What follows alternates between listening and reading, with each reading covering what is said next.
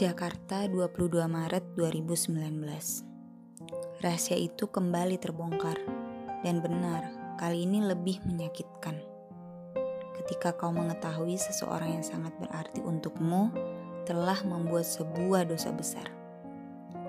Iya, dosa besar. Itu menurutku. Pengkhianatan kali ini lebih menyakitkan dari apa pun.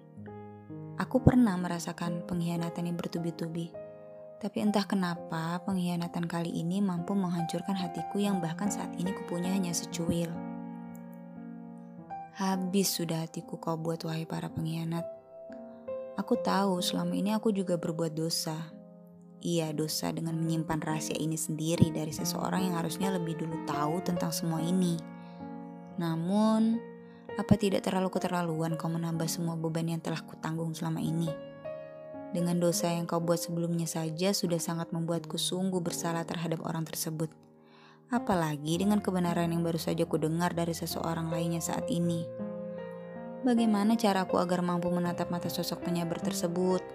Tolong, tunjukkan caranya padaku kalau kau bisa.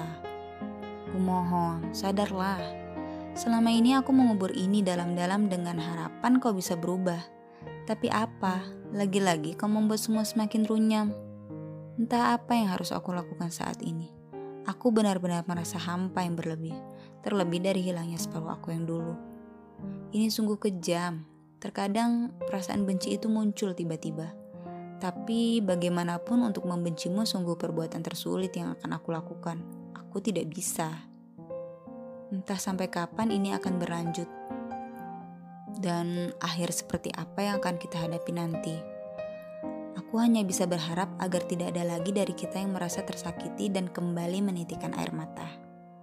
Perasaan bersalahku ini akan kubawa hingga mati. Tapi kumohon, jangan kembali sakiti aku lagi. Sudahi semua permainanmu, kumohon.